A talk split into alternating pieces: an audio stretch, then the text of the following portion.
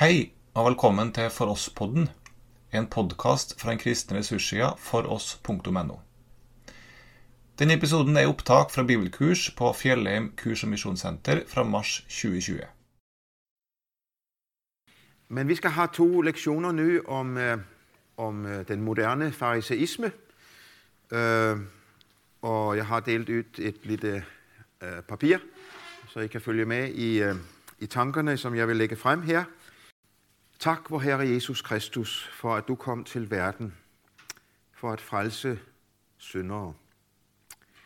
Både de åbenlyse og grove, men også de mere skjulte og forfinede. Tak, at du er synderes ven, hvad enten vi er den ene eller den anden slags syndere. Og vil du på den sunde måde også åbne vores øjne lidt nu for, øhm, for den fare, der kan være for, for nogle af os i hvert fald omkring fariseismens efterligning af den sande kristne tro, så vi ledes ud af en vilfarelse og ind i sandhedens og kærlighedens lys hos dig. I Jesu navn. Amen.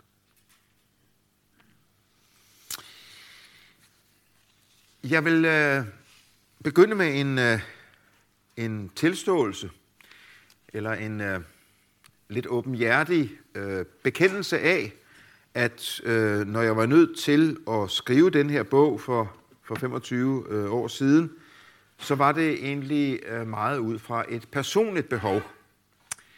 Øh, jeg havde læst i årene før Hugo Odebergs øh, forbilledlige bog om fejseisme og kristendom. I øvrigt en bog, som Øjvind Andersen øh, anbefalede meget varmt. Øhm, og som øh, ungdomsårene gik, så, øh, så følte jeg et stærkere og stærkere behov for at sætte navn på noget af den øh, fristelse, som jeg synes var meget nærliggende for mig.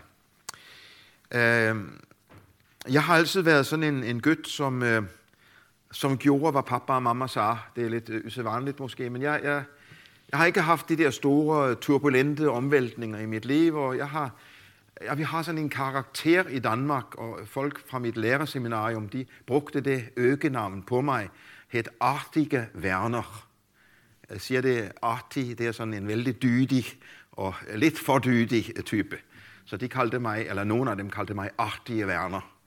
Øh, og det var ikke ment positivt. Øhm, men alt andet lige, så, øhm, så følte jeg et stærkt behov for at, øh, at, at for min egen del gøre op med den her, eller få, få set i øjnene øh, den her fare, som jeg øh, har, har det vist også fandtes fra, fra den øh, fariseisme, som ligner kristendommen vældig mye, men som er vældig forskellig derfra. Og det var motivationen for at skrive om det, og hvis så andre også har glæde af at skrive lidt af ting, som har med min egen historie at gøre, så er det jo bare fint. Lad os begynde lidt med, hvad fariseismen på Jesu tid øh, var. Vi møder jo farisæerne vældig mange gange i Nyt Testamente, og øh, de var jo på mange måder alvorligt troende mennesker, som i modsætning til sadukæerne, som var sådan lidt liberalteologiske, øh, så tog de rigtig den guddommelige åbenbaring alvorligt og tog Guds troen vældig alvorligt. Skal jeg sige det en lille smule sådan på spidsen? Uh, nu kommer jeg selv fra Luthersk Mission uh, i Danmark, som jo er parallel til NLM i Norge. Så var de datidens LM'ere, eller NLM'ere. Eller måske andre grupperinger, som læstadianer, eller hvem vil jeg, som vi hver især øh, identificerer os med. Gode folk, troende folk, bibeltro folk. Folk, som ville det rigtige. Men, men det var jo ikke dem, Jesus knyttede det til hos, da han kom. Og det er vi måske så vant til, øh, og, og det ved vi så, så nøje, men, men det burde jo undre os voldsomt, hvorfor Jesus, Guds søn, som kom til verden, ikke netop knyttede det til ved datidens NLM'ere. Ja.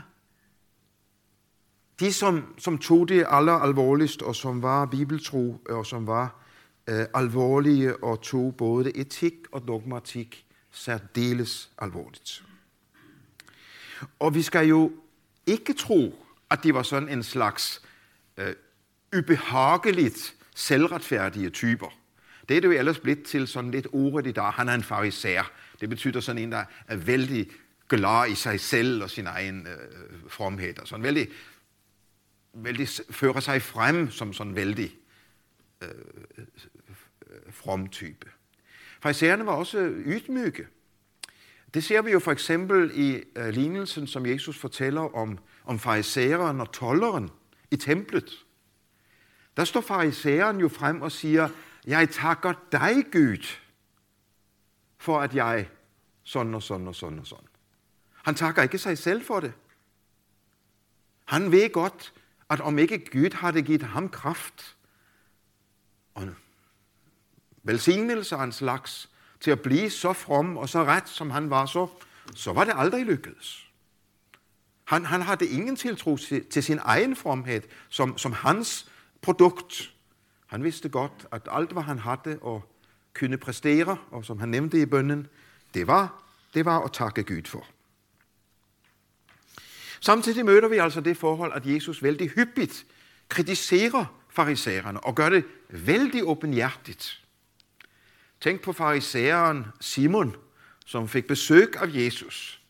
Og ved Jesus midt under festmåltidet, og der kommer en, en prostitueret kvinde ind, og, og så kritiserer han i al åbenhed selve verden for, for, for, for, for, for gæstebydet, for ikke at, at gøre det rette. Der var også, det skal vi sige i nuancernes navn, der var også nogle farisæere, som, som tog det anderledes. Vi skal især nævne Nikodemus, som også var en af farisæernes parti. Nogle af farisæerne var, var delvis de samme som skriftkloge, så der var sådan et vist overlap. Øh, men, men efter alt sandsynlighed var Nikodemus en klassisk farisæer.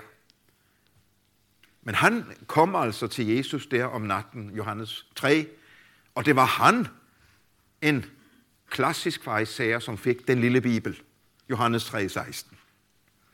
Og som vi også møder igen ved Jesu, ved Jesu gravlæggelse, hvor Nikodemus sammen med en anden farisæer sørger for Jesu gravlæggelse.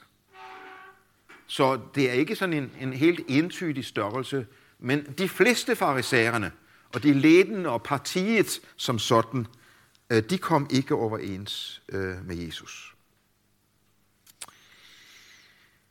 Øhm, skal man der slet ikke, kan man da slet ikke sige noget som helst positivt om farisæerne? Jo, det kan man, det kan man godt også ud fra Nytestamentet.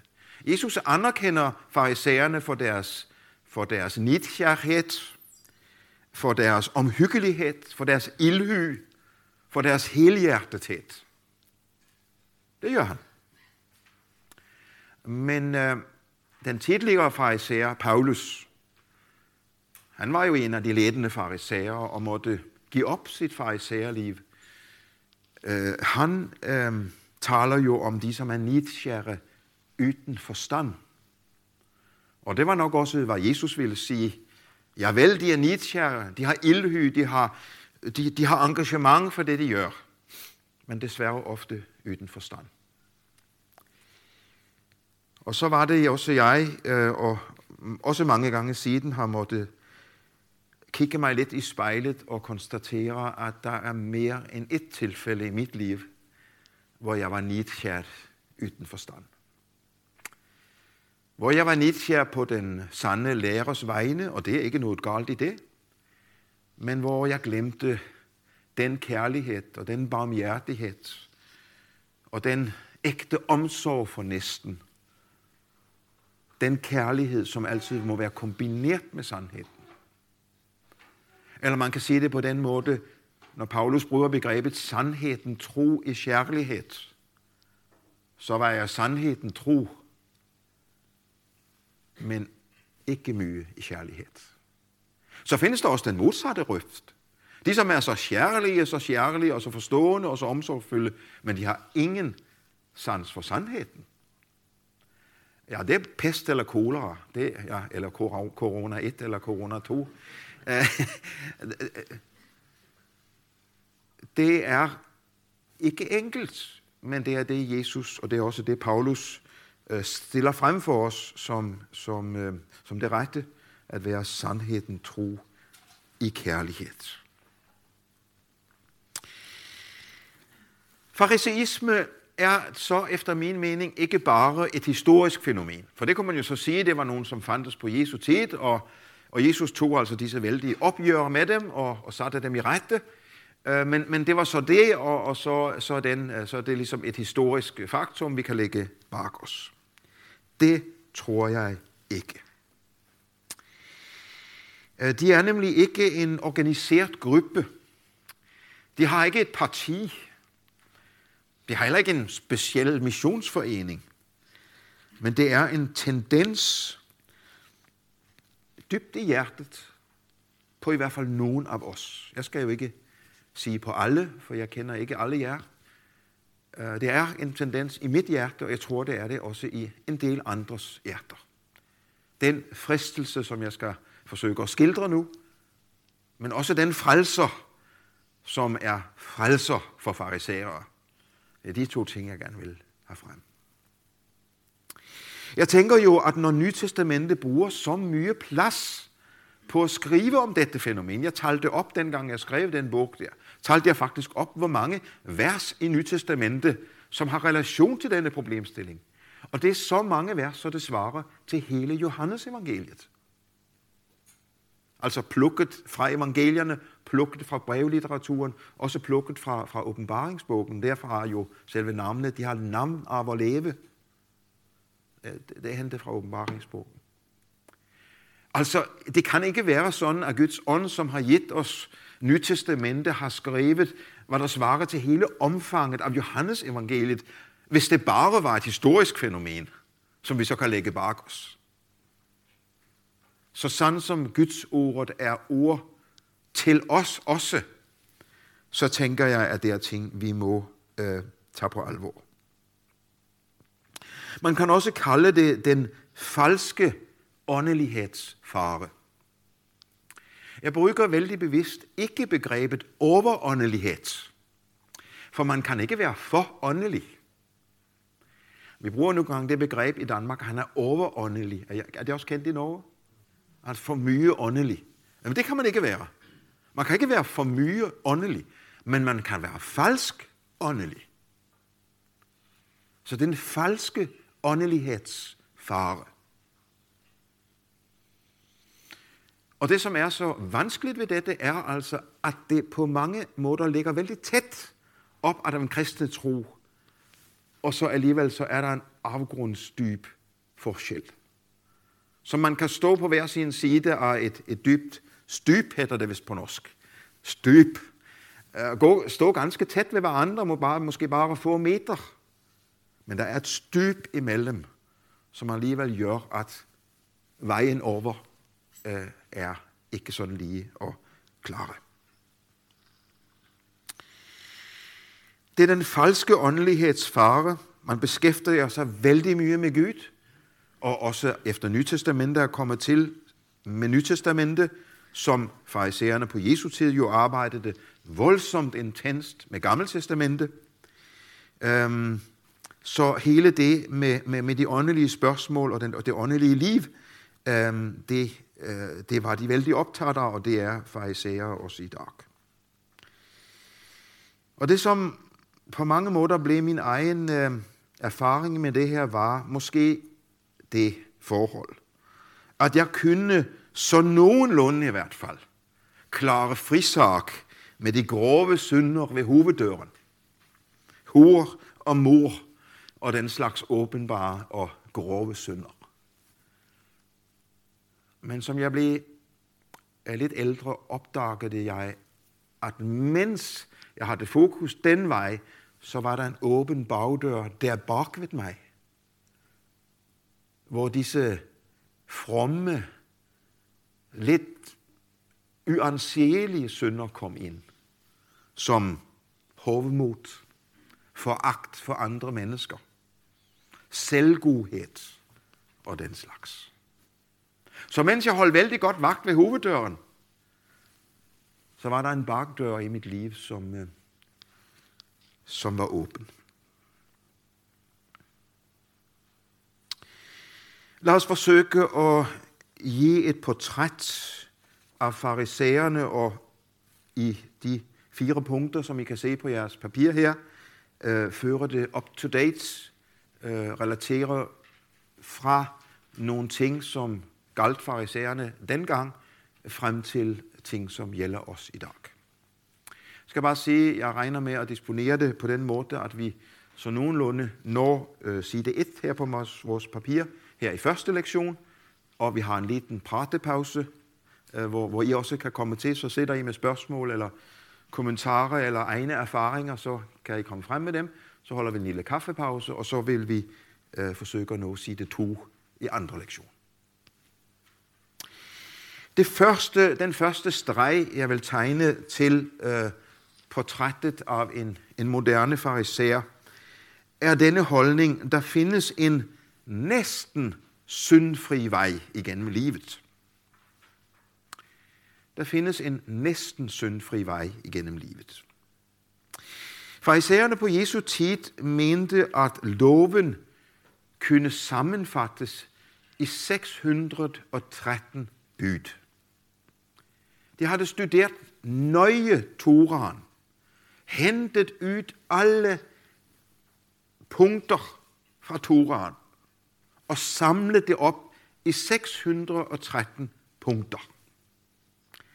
Og 613 punkter, det, det er jo mye. Men når man anstrenger sig, og man går ind for det, så kan man holde styr på 613 punkter og sørge for at leve op til disse punkter. Det var i hvert fald det, farisæerne ønskede og ville. De vidste godt, at det havde brug for Guds nåde til, at det kunne lykkes. Den bad de altså om, som vi hørte før. Men så var det også muligt, og i hvert fald langt på vej lykkes med at leve op til disse, disse 613 bud. Og man havde den grundlæggende tanke, at om man så ikke nåede helt derop, så var Gud nådig for resten. Så var der for eksempel fem, man ikke klarte. Ja, så var Gud nådig, og så sagde han, okay, pyt, det er så okay alligevel. I miljøer som vore kristne, missionske miljøer, hvor for eksempel kristen etik og kristen dogmatik betyder mye, og det skal vi sætte pris på, men der skal vi bare vide, at der kan lignende tankegange opstå bak om ryggen på os. Ikke her en front, men bak om ryggen. Jeg er ikke på nogen måde yde efter hverken vor etik eller vor dogmatik. Den er uhyre vigtig. Men man kan blive så optaget af sin etik og sin dogmatik, at det langsomt fører til et bedrag, hvor man næsten mener, at når man så følger alle reglerne, og alle de uskrevne regler især, i det kristne miljø, hvor man kommer, så, så går det nok. Og skulle der være lidt som smutter, ja, så er Gud jo nådig, og så går det nok alligevel.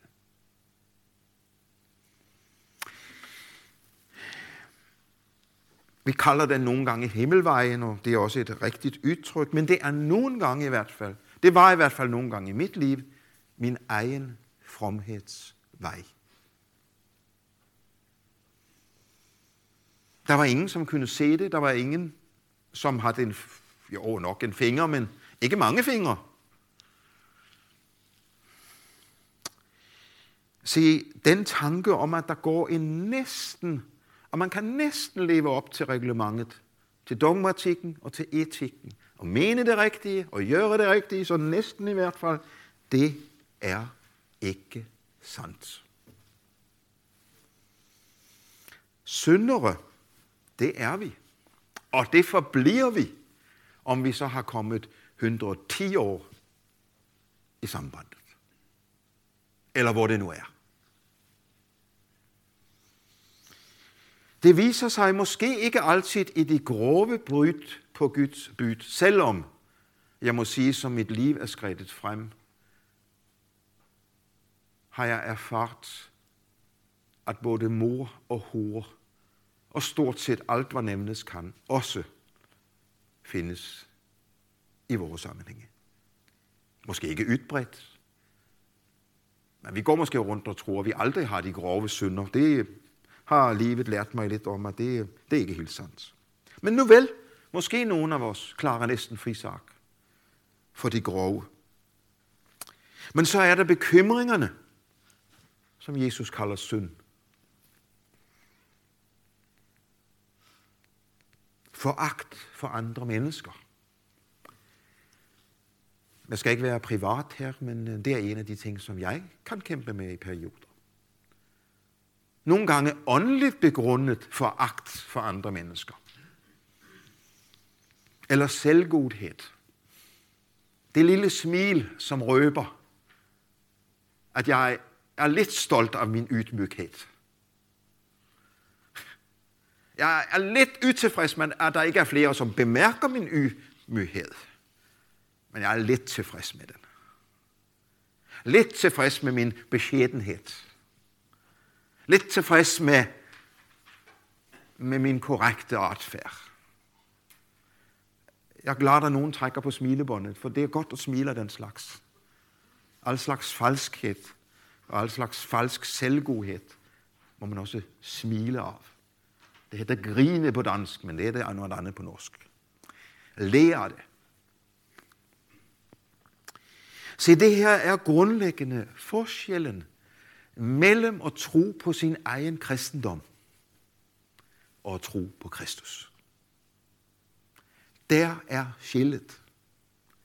Tror du og jeg på vores egen kristendom? Eller tror vi på Kristus? Det selvrensakende spørgsmål, tror jeg, er sundt og har i sit liv ikke som sådan en altdominerende dagsorden, men som en kontinuerlig spørgsmål. For vi igen og igen, livet langt, kan komme til at lægge større vægt på vores egen kristendom end på Kristus. Selvom vi ikke vil det, selvom vi godt ved, det er forkert, så her omme af bagdøren kan det komme. Og det er måske godt, at vi af og til har en fokus på dette fænomen, som vi så har nu. Det andet træk ved farisæerne, som jeg vil nævne, man kunne nævne andre end de fire, jeg har listet op her, men det er de fire, jeg har taget med, øh, det er, at de bytter om på stort og småt. Det er en ting, vi møder øh, også fra Jesu mund, og vi har faktisk været inde om det. Øh, Ingvald, øh, tror jeg, har det, øh, versene fra Matteus evangeliet 23 fremme om at give tiende. Og øh, jeg synes lige, vi skal læse igen de vers, for det er sådan vældig spot on, øh, når det drejer sig om det her spørgsmål om bytte om på småt og stort. Matthæus 23, 23. Ved jer skriftkloge og farisæere, der har I skriftkloge og farisæere i samme gruppe. Ved jer skriftkloge og farisæere, I hyklere, I giver tiende af mynte og dild og kommen, men I forsømmer det i loven, der vejer tungere, ret og barmhjertighed og troskab. Det ene skal gøres, og det andet ikke forsømmes. I blinde vejledere, I siger myggen fra, men sluger kamelen. Det er et af eksemplerne, i vidunderlige eksempler på Jesu humor. Vi tænker måske ikke altid på Jesus som humorist, men det var han også. Ser I billedet for jer? Der sidder en mand med en dejlig tallerken suppe, og han tager den ene skefuld efter den anden. Og øh, så øh, får han altså op en, en liten myg, og den opdager han, og, og piller ud myggen og klager måske til tjeneren. Og, men så i næste skefuld, der ligger der en kamel i skeen. Men han opdager det ikke, og sluger suppe og kameler hele grejen, uden at opdage det. Vældig, vældig humoristisk og fantastisk bilde, siger Jesus. Og det er altså eksakt sådan, I gør i skriftkloge og farisæere. I går vældig mye op i småtingene. Men de store ting, bekymrer jeg ikke mye om. Barmhjertighed og ret og troskab. Ja, det ene skal I gøre, og ikke forsømme det andre. Det er godt at give tiende, og flere kristne burde også give tiende, efter min mening. Men der er forskel på det, og så ret og retfærdighed og barmhjertighed. Og jeg tror, noget af psykologien i dette er, det lille, det kan vi overskue. Det kan vi klare. Jeg kan tjekke af, når dagen er gået, at jeg klarte alle detaljerne. Jeg kørte med rigtigt med lys på på cyklen. Jeg havde den rigtige påklædning på, øh, på, på bedehuset. Jeg sa ikke noget forkert, og der var ikke nogen, som, som syntes, jeg var mærkværdig eller, eller forkert. Men at ligge i sin seng om aftenen og kunne sige, jeg har været barmhjertig, jeg har været ret, og jeg har vist troskab hele denne dag. Hvem kan gøre det med sandhed? De små ting kan vi overskue, de store ting siger vi pyt med, fordi bliver vi ramt af.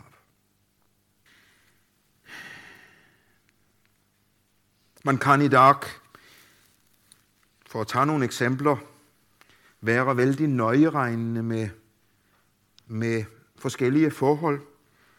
Øhm, bruge vældig mye kraft på for eksempel ikke at falde ved siden af. Nogle af os er vældig optaget af dette. Hvor egen ære, og det er vi, at vi, at vi ikke bliver udsat for kritik fra nogen. Og at der ikke er nogen, der synes, vi er lidt mærkværdige, det kan vi ikke bære. Så det går vi er vældig optaget af, om vi nu lever op til alle normerne og har den rigtige påklædning og, og, og gør det rigtige og siger det rigtige. Men øh, vi kan godt finde på at tale nedsættende om andre. Det er jo troløshed. At tale nedsættende om andre. Men det kan man sagtens gøre, samtidig man er vældig optaget af at, at leve op til alle normer og, og uskrevne regler. Man kan gå vældig mye op i mødeformer, i de gode traditioner, i at vi værne om den sande sambandittiske tradition tilbage fra Ludvig Hope og hele grejen, og ikke noget galt om det. Men hvis det går hen og bliver i sig selv en sådan værdi, som vi bryster os af, og ikke er barmhjertige mod de, som står i periferien af vores fællesskaber, hvad nytter det så med vores stolte traditioner til historien?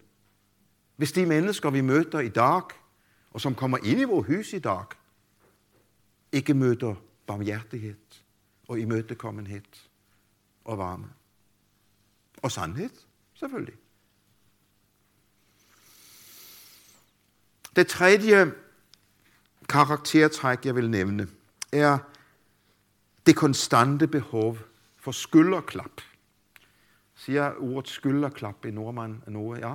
Det er det konstante behov for at, ja, du er, du er grej, du er fin, du er et godt forbillede, for eksempel.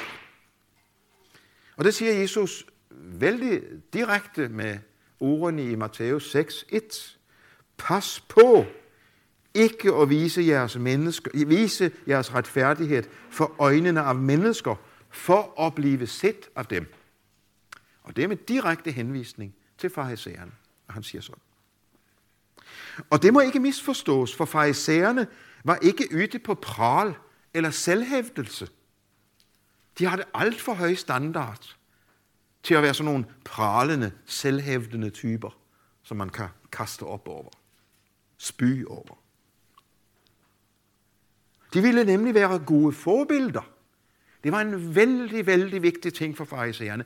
Vi må være gode forbilder. Og på den måde hæve det moralske niveau i vort folk. En vældig god intention. Jeg taler ikke negativt om det at være forbilde.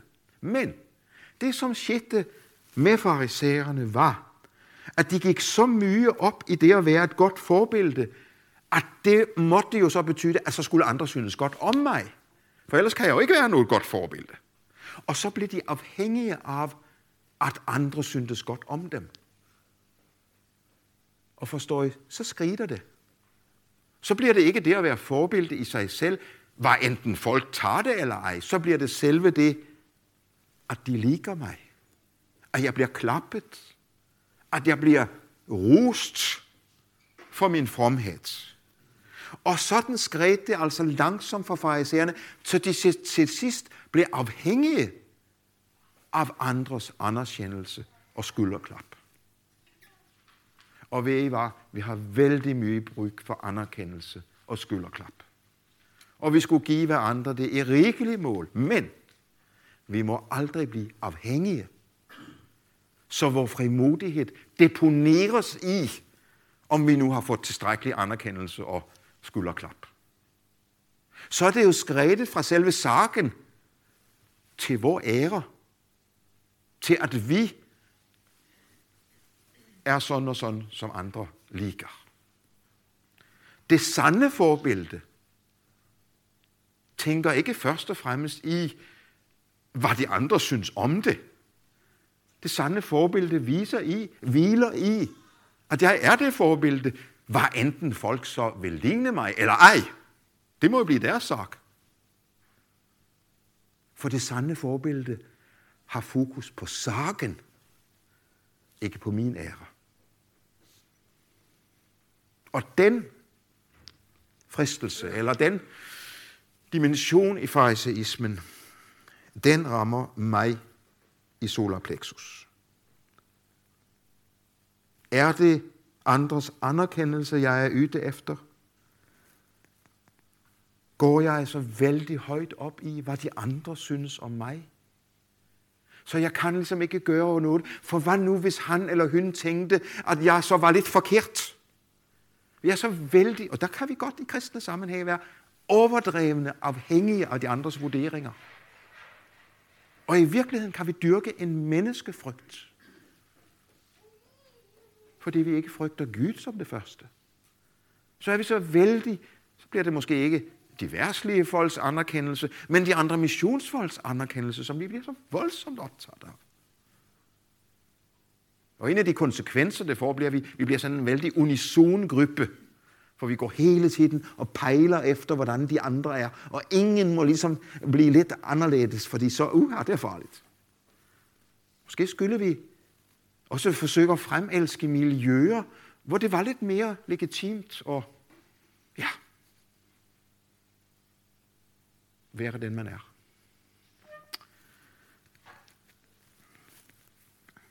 Uskrevne regler kan blive så stærkt et kit imellem os. Forstår man kit? Det er det, som man uh, sætter vinduer på vinduer, for, for de ryden sætter fast. Ikke? Men det kan blive så stærkt et kit imellem os, og det i virkeligheden bliver menneskefrygt. Og så er vi kommet i farisaismens grøft og må gøre op. Og det fjerde og sidste er foragten for andre, men altså med en åndelig begrundelse. Og der står en vældig øh, finurlig ting om det i Lukas 18, 9.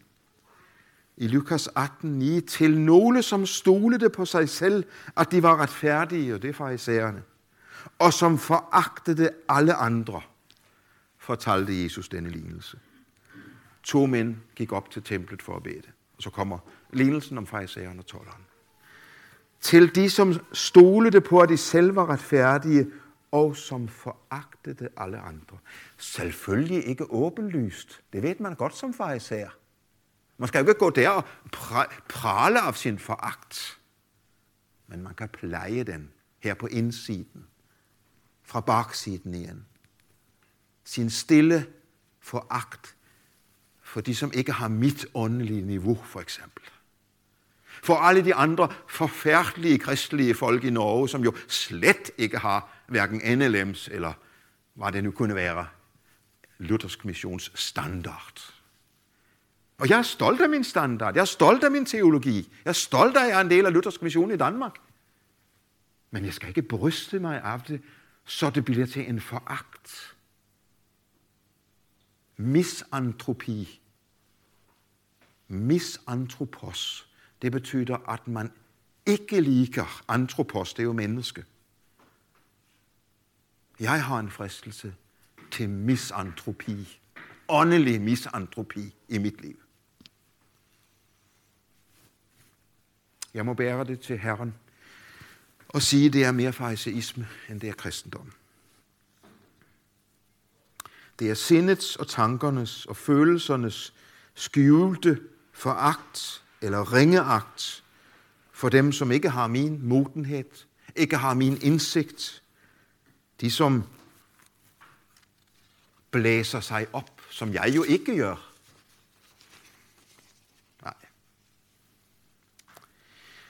Der kan begås så mange synder i åndelighedens navn, og det er et typisk farisæertræk. Og alt det, som jeg har været inde på her, er jo en voldsom god illustration af det forhold, vi nogle gange kalder arvesynden. Som er vældig let at kunne sådan, eller det er forholdsvis let at kunne teorien om, men som kan være en nok så bitter pille. At selv da jeg søgte at være den mest korrekte kristne, og den mest åndelige i ungdomsforeningen, netop der var jeg værst. Det er jo en illustration af arvesyndens fænomen, og der er en ene lettelse i det. Det er det faktisk blevet for mig. Jeg er rigtig, rigtig glad for arvesyndslæren. For det er sådan en hel lettelse og sige, jamen sådan er det jo altså.